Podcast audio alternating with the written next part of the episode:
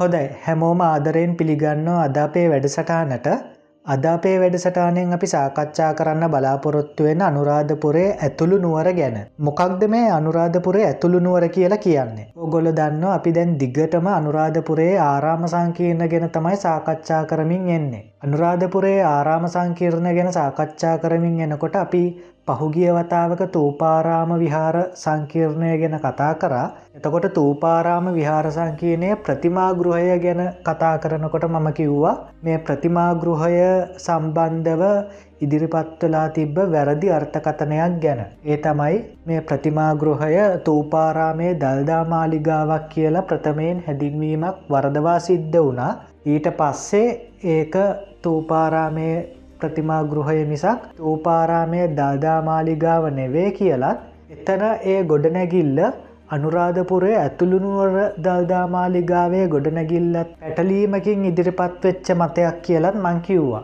එතකොට මේ වැඩසටාන ශ්‍රවණය කරපු කෙනෙක් මට පුද්ගලිකව පනිවිඩයක් නැත්නම් මෙසේජ් එකක් කෙවල තිබ්බ මොකක්ද මේ අනුරාධපුරේ ඇතුළුනුවර කියන්න කියලසා අනුරාධපුරේ දල්දාමාලිගාවක් තිබුණාද කියලා ප්‍රශ්නයක් අහලා තිබ්බා. ඒ නිසා මං හිතුව මේ අනුරාධපුරේ විහාරාරාම සංකීර්ණ ගැන අපි මේ කරමින් යන වැඩසටහනේ අනු කොටසක් විදිහට අද වැඩසටහන අනුරාධපුරේ ඇතුළු නුවර වෙනුවෙන් වෙන් කරන්න. එතකොට අනුරාධපුරේ ඇතුළු නුවර ගැන කියනවනම් අනුරාධපුරේ ඇතුළු නුවර තියෙන්නේ අනුරාධපුරය රුවන්වැලි සෑ සහ අභයගිරි විහාරාරාම දෙක අතර මැද්දේ. එතකොට අපේ රටේ රාජධානි නැත්නං අගනුවරවල් ගැන කතා කරනකොට ගොඩක් අය වරදවා කියන දෙයක් තමයි අපේ රටේ පළවෙනි රාජධානය අනුරාධපුර රාජධානය කියලා. එහෙම නැත්නම් අපේ රටේ පළවෙනි අගනුවර අනුරාධපුරය කියලා. ඒක වැරදි මතයක්. මොකද විජයාවතරණයට කලින් සිද්ධ වෙච්ච දේවල් සම්බන්ධවස අපේ ඉතිහාසය ගැන තාමත් නිශ්චිතව පුරාවිද්‍යාත්මක වශයෙන් ගවේෂණ සිද්ධ වෙලා නැහැසා සිදු කරමින් පවතින ගවේෂණ කටයුතු නිමාවෙලත් නෑ. ඒ නිසා මේක සංශෝධනය වෙන්න ඕන විජයාවතරණයෙන් පසුව කියන වාක්‍ය එකතු කල්ලා. විජයාවතරණයෙන් පස්සේ අපේ රටේ නිර්මාණය වෙච්ච පළවෙනි රාජධානය තමයි අනුරාධපුර රාජධානය. විජයාවතරණයෙන් පස්සේ අපේ රටේ නිර්මාණය වුණු පළවෙනි අගනුවර තමයි නැත්නම් අගනගරය තමයි අනුරාධපුර අගනගරේ එහෙම තමයි අපි කියන්න ඕන. එතකොට විජයාවතරණයෙන් පස්සෙ ලංකාවේ පළවෙනි රාජධානිය කියන මේ අනුරාධපුර රාජධානයේ නිර්මාතෘ විදියට හඳුන්වන්නේ පණ්ඩුකාභය රජ්ජුරුවෝ. මේ අනුරාධපුර රාජධානයේ ඇතුළත ප්‍රදේශය තමයි ඇතුළු නුවර කියලා හඳුන්වන්නේ. එතකොට මේ ඇතුළු නුවර ප්‍රදේශය නැත්නම් මේ ඇතුළත ප්‍රදේශය පණ්ඩුකාභය රජ්ජුරුවන්ගෙන් පස්සේ පාලනය භාරගත්තු එක එකක රජවරු සංවර්ධනය කිරීම් සිද්ධ කරනවා. එතකොට ඒ අතරින් කූටකන්න තිස්ස රජ්ජුරුවෝ වසභ රජ්ජුරුව වගේ රජවරු ප්‍රධානයි. බලකොටුවක් විදිහටත් භාවිතාවුණු මේ ඇතුළුනුවර ප්‍රදේශය දියාගල්සා උස ප්‍රාකාරවලින් වටවෙලා තමයි ඒ කාලේ තිබිල තියෙන්නේ. එතකොට අද වෙනකොට වර්තමානය වෙනකොට මේ ප්‍රදේශයේ පුරාවිද්‍යාත්මක වශයෙන් අපට වැදගත්වෙන ස්මාරක නැත්නන් නටබුන් ප්‍රදේශ හතරක් ඉතුරු වෙලා තියෙනවා. එතකොට අනුරාධපුරයේ ආරාම සංකීර්ණ ගත්තත් නටබුන් ප්‍රදේශ ගත්තත් පැරණි නගර ගත්තත් ඒ සියලූම නටබුන්වලට සාපේක්ෂව ගත්තොත් අනුරාධපුරේ ඇතුළු නුවර ප්‍රදේශය ගැන අපේ ජනතාවගේ අවධානය යොමුුවෙන අඩුයි. ඒවගේම තමයි තවමත් ස්මාරක මං කලින් කියව්වා වගේ ස්මාරක හතරක් තමයි අපි හොයාගෙන තියෙන්නේ තව ස්මාරක දසදහස් ගානක් ඇතුළුනුවර ප්‍රදේශයේ මහපොළොව යට මේ වෙනකොටත් වැලල්ලා තියෙන්න පුළුවන්. ඉතිං අනුරාධපුරේ ඇතුළුනුවර ස්මාරක හතර ගැන මතක් කරනවනම් ඒ තමයි විජයබා රජමාලිගාව දළදාමාලිගාව මහාපාලි දානශාලාවසා ගෙඩිගේ කියන ස්මාරක හතර. එතකොට අනුරාධපුරේ සම්ප්‍රදාය කටමස්ථාන වන්දනාවේ යන අයගෙනම් අවධානය දිනා ගන්න සමත් වෙලා නෑ කොහොමත් මේ ස්ථාන. හැබැයි අපේ රටේ පුරාවිද්‍යාව ඉතිහාසය ගැන උන්වන්දුවක් දක්වනයට මේ ස්ථාන ගැන අපි කියන මේ තොරතුරු වැදගත්වෙයි කියලා හිතනවා. ඉතින් අපේ සාකච්ඡාවට පිවිසන්න කලින් හැමදෑම මතක් කරනවා වගේ කළයුතු මතක් කිරීමක් තියෙනවා. අපේ මේ වැඩසටහන Google පොඩ්කාස් ඇංක බ්‍රේක රේඩියෝ පබ්ලික් ස්පොටිෆයි වගේ පලට්ෆෝර්ම් සේමනැත්නම් නාලිකා හරාත් යම්කිසි පිරිසක් ශ්‍රවණය කරනවා ඉතිං ඒ අයට ආරාධනා කරන YouTube එකට ඇවිල්ලා දනුල වික්‍රමාරච්චි කියලා ටයිප් කල්ල සර්ච් කල්ලා මගේ YouTube චැනල් එකට ඇවිල්ල මේ වැඩසටහන YouTube එක ඔස්සනුත් අහන්න නරබන්න මොකද මේ වැඩසටහන් මාලාවම අපි සිද්ධ කරන්නේ ඡායාරූපත් ප්‍රදර්ශනය කරමින් ඡායාරූප ගැනත් විස්තර කරමින්. ඉතිං ඇතුළුනුවර නටබුන් ගැන සාකච්ඡා කරනකොට අපිට පළවෙනියටම මුණගැහෙන්නේ අනුරාධපුර දළදා මාලිගාව. දැන් අපි දන්නවා දළදා මාලිගාව කිව්වම අදත් තියෙනවා දළදා මාලිගාවක් මහනුවර. එතකොට මහනුවර දල්දා මාලිගාව ගැන තමයි ගොඩක් අය දන්න හැබැයි හැම රාජධානයකම දළදාමාලිගාවල් තිබිල තියෙනවා දන්තධාතුන් වහන්සේව වඩා හිදුවන්න. එතකොට මහනුවර දල්දාමාලිගාව හැරුණු කොට අනෙත් දල්දාමාලිගාවල් ගත්තාම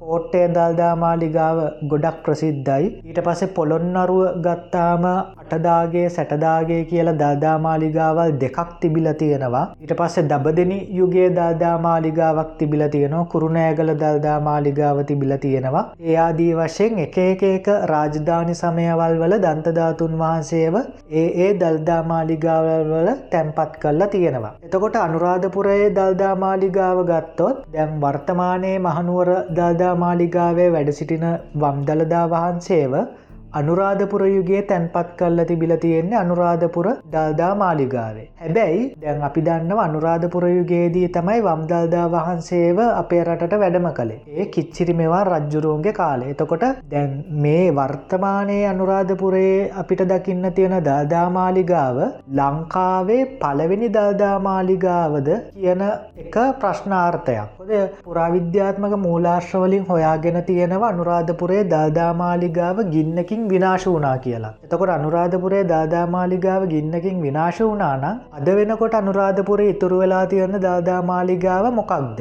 මේක වෙන දාදාමාලිගාවක්ද නැත්නම් අර ගින්නෙන් විනාශවෙච්ච දල්දාමාලිගාවට පස්සේ ඒ වෙනුවට නිර්මාණය වුණු දල්දා මාලිගාවක්ද කියන ප්‍රශ්නය තාමත් ඉතුරු වෙලා තියෙනවා. එතකොට මේ ප්‍රදේශයෙන් මේ මේ ගොඩනැගිල්ලෙන් ඔයාගත්තු සෙල්ලිපියක තිබිල තියෙනවා දල්දා මාලිගාව කියන වචනය ඒ ඔස්සේ තමයි පුරාවිද්‍යාඥයන් සනාත කරලා තියෙන්නේ මේ ගොඩනැගිල්ල දන්තධාතුන් වහන්සේව තැන්පත් කරපු ගොඩනැගිල්ලක් විදිහට අනුරාධපුර යුගේ භාවිතා වෙලා තියෙනවා කියලා. එතකොට මේ දාදාමාලිගාව තියෙන්නේ ඇතුළුනුවර පුරාවිද්‍යා කැනීම් භූමියයට ටිකක් පිටිපස්සට වෙන්න රුවන්වැලිසෑ ඉස්සරහ ඉදලා කුට්ටම්පොකුණට යන පාර. මේ දළදාමාලිගාව ධාතුසේන රජ්ජුරුවෝ පළවෙනි අග්ගබෝධි රජ්ජුරුවෝ හතරවෙනි මහින්ද රජ්ජුරුවෝ වගේ රජවරු ප්‍රතිසංස්කරණය කලා කියලා සඳහන් වෙනවා. එතකොට අද වෙනකොට මේ දාදාමාලිගාව ගැන අධ්‍යයනයක් කරොත් දාදාමාලිගාවේ මේ ගොඩනැගිල්ලට පිවිසන්න ස්ථාන දෙකක් තියෙනවා මේ ස්ථාන දෙකේම පිය ගැට පෙළවල් දෙපැත්ත කැටයන් නොකරපු ප්‍රාථමික මට්ට මේ මුරගල් සදගට පහන්සා කොරවක්ගල් තියෙනවා. ඉට පස්සේ ගලින් නිර්මාණය කල්ල තියෙන මේ මාලිගාවේ ජනේලස වාහල් කඩවල් වලින් සමහරක් අංග නැත්නං කොටස් අද වෙන කොටත් සුරක්ෂිතව තියෙනවා. මාලිගාව මැද්ද තියෙනවා හතර ශාසනයක් මේ ආසනය මත දල්දාවහන්සේව තැන්පත් කලා කියලා විශ්වාස කෙරෙනවා. එතකොට මාලිගා වටයට තවත් ගොඩනැගිලි කිහිපයක ගල්කනු සහ මේ ඒ ඇතුළත තිබුණු කොටස් දැකගන්න හැකියාව තියෙනවා. ඊට පස්සේ ඇතුළුනුවර තියෙන තවත් ස්ථානයක් තමයි අනුරාධපුර ගෙඩිගේ කියලා කියන්නේ. මේ අනුරාධපුර ගෙඩිගේ කියලා හඳුන්වන්නේ එක්තරාකාරයක ගොඩනැගිල්ලක් මේ ගොඩනැගිල්ල පිහිටලා තියෙන්නේ අනුරාධපුර දල්දාමාලිගාව පිටිපස්සේ. හැබැයි පුංචිම පුංචි ලදු කැලෑවකින් නැත්නං ජෛව විධත්ව පද්ධතියකින් වටවෙලා තමයි මේ ගොඩ නැගිල්ල තියෙන්නේ. එතකොට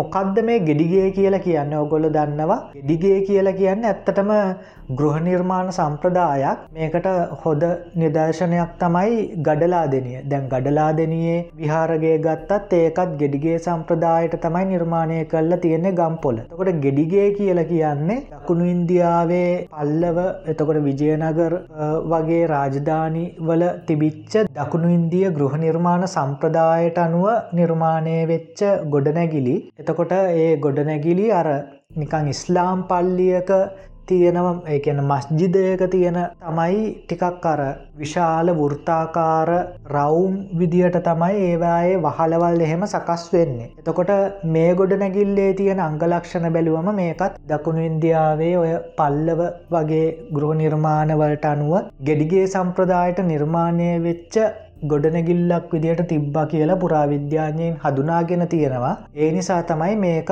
අනුරාධපුර ගෙඩිගේ කියලා හදුන්වන්නේ හැබැයි මේ ගොඩනැගිල්ල මොන කර්තව්යක් වෙනුවෙන් නිර්මාණය කලාද කියලා තාමත් නිශ්චිතව හදුනාගෙන නෑ හැබැයි පුරාවිද්‍යාඥයන් විශ්වාස කරනවා අනුරාධපුර කාලයේදී මේ ගොඩනැගිල්ල ධාතුගරයක් විදියට තියෙන් නැති කියලා. එතකොට අද මේ ගොඩනැගිල්ල ගියාම මේ ගොඩනැගිල්ලේ දොරවල් ජනේල විශාල සංඛ්‍යාවක් අපිට දකින්න පුළන් ඒ තිබ්බ ස්ථාන. මේ නටබුම් වෙලා තමයි තියෙන්නේ. හැබැයි මේ ගඩොල් බැලුවම මේ අත්තිවාරං කොටස් බැලුවම දොර සහ ජනේල බල උත්සවල් පලලවල් දිගවල් පරිමාවල් බැලුවම අපිට ඉතාගන්න පුළන් අනුරාධපුර රාජධානි කාලයේදී මේ ගොඩනැගිල්ල බොහොම ප්‍රතාපවත් සහ විරාජමානව තියෙන්න ඇති කියලා. එතකොට ගෙඩිගේ ගැන කතා කරනකොට ඇත්තටම දැන් අපි පෞගිය වැඩසටානක අපේ තූපාරාම විහාර සංකීර්ණය ගැන අපි සාකච්ඡා කරපු වැඩසටානය ආරම්භේදී අපි විනාඩිය මතක් කර අපේ ආදරණීය ශිරාන් දරණයගල මහත්මයා ගැන. එතකොට මේ අනුරාධපුර ඇතුළුනුවර ගැන කතා කරනකොට ඇතුළුනුවර කැනීම් ගැන කතා කරනකොට අනුරාධපුර ගෙඩිගේ ගැන කතා කරනකොට ශිරාන් දරණයගල මහත්මයාව මතක් නොකර බෑ. මොකද එතුමා අනුරාධපුර ඇතුළුනුවර කැනීම් විශාල ප්‍රමාණයක් මංහිතන්නයා විස්සක් හෝ විස්සකට වඩා සිද්ධ කල්ල තියෙනවා ඇතුළුනුවර නගරය පුරාවට. විශේෂයෙන් ඇතුළුනුවර නගරේ මේ ගෙඩිගේ ප්‍රදේශය සහ ගෙඩිගේ ප්‍රදේශයට පිටිපස්ස තියෙන ඇතුළුනුවර කැනීම් වැඩභූමිය කියලා අද හදුන්වන ප්‍රදේශයේ ගොඩාක් කැනීම් කර. එතකොට එතුම එදස් නමසය හැට නමය අවුරුද්ධිදල දෙදස් පහලව පහු කරගෙන යනකම්ම දෙදස් දාසය දෙදස් දාහත වෙනකනොත් මට මතක විදිහට එතුමා මේ ආශ්‍රිත ප්‍රදේශවල කැනීම් ව්‍යාපෘතිවලට සම්බන්ධ වනා එක්දස් නමසේ ඇට නමේ ඉදලා. එතකොට මේ ගෙඩිගේ ගොඩනැගිල්ල පීටලා තියෙන ප්‍රදේශයෙන් එතුමා කරපු පරීක්ෂණවලින් ගෙඩිගේ පීටලා තියෙන භූමියසා මේ ඇතුළුනුවර භූමිය වසර හද්දාහකට කලින් පැවති මානව ජනාවාසවල තොරතුරු හම්බ වෙලා තියෙනවා. එවගේම තමයි මේ ප්‍රදේශයෙන් ප්‍රාග්ග යිතිහාසික යුගේ සාක්ෂි සාධක ගොඩාක් හොයාගෙන තියෙනවා කැනීම් වලින්. එතකොට ආදි මානවීන්ගේ තොරතුරු සහ ඒ සම්බන්ධ සාක්ෂිත් ධර්ණයගල මහත්මය ඇතුළු පුරාවිද්‍යාඥ කණ්ඩායම් මේ ප්‍රදේශය හොයාගෙන තියෙනවා. එතකොට ඒකෙන් පේනවා මේ ප්‍රදේශය අනුරාධපුරය පළවෙනි අගනගරය විදියට අපි හැදින්න වුවත් ඒ අගනගරය විදියට හදුන්වන්නත් කල්ප කාලාන්තරයකට අවුරුදු දසදස් ගානකට කලින් ඉදම්ම ජනාවාස තිබිල තියෙනවා ඒවගේම ප්‍රාග්ගයිතිහාසික යුගේ සාක්ෂි සාධක හමුවීමෙන් තේරෙනවා ආදිමානවීන් පවා මේ ස්ථානයේ ජීවත්වෙලා ඉදල තියෙනවාය කියලා. ඉතිං නැවතවරක් ආචාර ශිරාන් දැරණයගල මාත්‍යාව මතක් කරන්න ඕන ආදරේ. ඊට පස්සේ මහාපාලි දා දානශාලාව තියෙනවා ඒක තමයි අපි කතා කරන තුන්වන ස්මාරකය. අනුරාධපුරේ දාදාමාලිගාවට එහා පැත්තෙන් තමයි මහාපාලිධානශාලාව තියෙන්නේ. එතකොට මෙතන විශේෂත්වය තමයි මේ මහාපාලිධානශාලාව අනුරාධපුර ගෙඩිගේ දාදාමාලිගා කියන මේ තුනම එකම භූමියයේ මේ අල්ලපු වැට එකලගේ එකලගේ එකලග තමයි නිර්මාණය කල්ලා තියෙන්නේ. ඉතින් මහාපාලිධානශාලාව ගැන කියනවනම් මේ මහාපාලිධානශාලාව ක්‍රිස්තුපූරුව තුන්වන සියවසේ දේවානම්පිය තිස්ස රජ්ජුරුවෝ නිර්මාණය කලා කියල තමයි විශ්වාස කෙරෙන්නේ. මේ දානශාලාවට භික්‍ෂූන් වහන්සේලා විශාල ප්‍රමාණයක් ඇවිල්ල තියෙනවා ඒක හීන ජාතික පාහියන් හාමුදුරුවන්ගේ වාර්තාවල සැක කරනවා භික්‍ෂූන් වහන්සේලා පන්දාහක්වත් දානය වල දන්න ඇති කියලා මේ දානශා ශාලාවෙන්. එතකොට මේ දානය වලදන්න භික්‍ෂූන් වහන්සේලා එක පෙළකට නැත්නම් පේලියකට තමයි ඇවිල්ල තියෙන්නේ ඉතින් එහෙම එක පෙළකට ආපු නිසාත් භික්‍ෂූන් වහන්සේලා විශාල ප්‍රමාණයක් වැඩම කරපු නිසාත් මහා පාලි කියන නම වැටිලා තියෙනවා. ඒ නිසා තමයි මේකට මහාපාලි දානශාලාව කියලා කියන්න. එතකොට මේ දානශාලාවෙන් බෙදාහරින දානය ඒ කාලේ පිළියල කරලා තියෙන රාජකීය මුළුතැන් ගෙයින්. ඊට පස්සේ කාලෙන් කාලෙට කාලෙන් කාලෙට මේ දානශාලාව ප්‍රතිසංස් කරන කටයුතු සිද්ධ කල්ල තියෙනවා ඒ ප්‍රතිසංස් කරන කටයුතු සිද්ධ කරපු රජවරුන් අතරින් පළවෙනි උපතිස්ස පළවෙනි අග්ගබෝධි එතකොට දෙවනි අග්ගබෝධි මහානාග ශිලාමේගවර්ණ හතරවෙනි අග්ගබෝධි දෙවන දප්පුල හතරවනි මහින්ද රජවරු ප්‍රධානයි. එතකොට මේ මහාපාලි දානශාලාවට ගියොත් ඔගොලොන්ට දැකබලාගන්න පුළුව මේ මහාපාලි දානශාලාවේ නටබුන්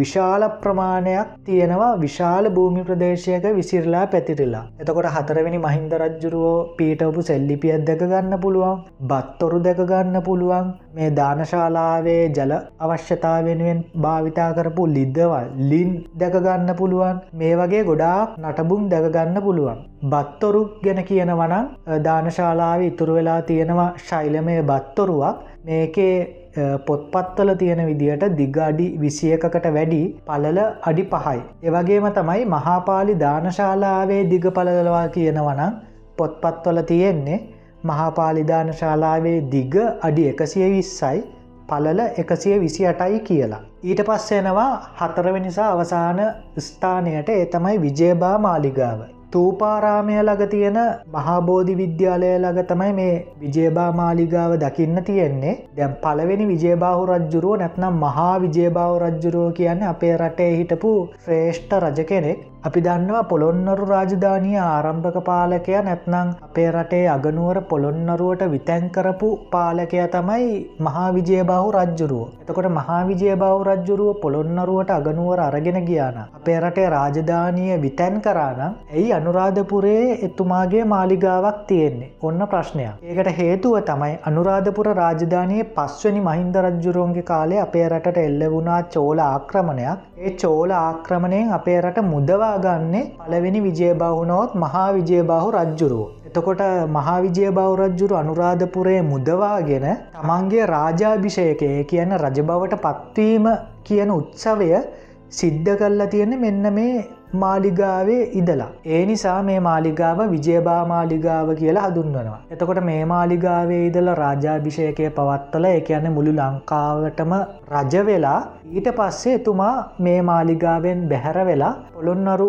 ප්‍රදේශයට ගිල්ල පොළොන්නරුවේ මාලිගාව නිර්මාණය කරනවා. එතකොට මේ විජයබා මාලිගාව ගැන සදාන් කරනවනම් පුරාවිද්‍යාඥයන් කියන විදියට මේක අද වෙනකොට පොඩි කුඩා නටබුම් ප්‍රමාණයක් තිබුණත් ඇත අතීතයේදී මේක තට්ටු දෙකක ගොඩනැගිල්ලක් විදියට තියෙන්න ඇති කියලා හිතනවා. එතකොට තවත් මේ නිර්මාණය ගැන කතා කරනකොට පොළොන්නරු යුගයේ රජමාලිගා සැලසුම් සම්ප්‍රදායට සමානකම් පෙන්වනවා මේ මාලිගාවේ ඉදිරිපස වගේම පිටිපස්සෙනුත් දොරටු තිබිල තියෙනවා හැම දොරටුවත් දෙපැත්තෙම ඕගොලොන්ට අදටත් ගියොත් සංකනිදිසා පද්මනිදි කියන මේ මුරගල් දිත්තය දැකගන්න පුළුවන්. ඊට පස්සේ මාලිගාවේ අත්තිවාරං කොටස් පරීක්ෂා කරාම පේනවා කාමර කාමර කාමර ගණනාවක් තිබිල තියෙනවා. ඒවගේම තව මේ ප්‍රධාන දෙයක් නැත්නම් මේ බොහොම වැදගත් දෙයක් තියෙනවා මේ මාලිගාව මැද්ද තියෙන බිත්තියක් ඉතුරු වෙලා තියෙනවා එහෙම් පිටින්ම මේ බිත්තිය හොදින් නිරීක්ෂණය කොරොත් මේ බිත්තියේ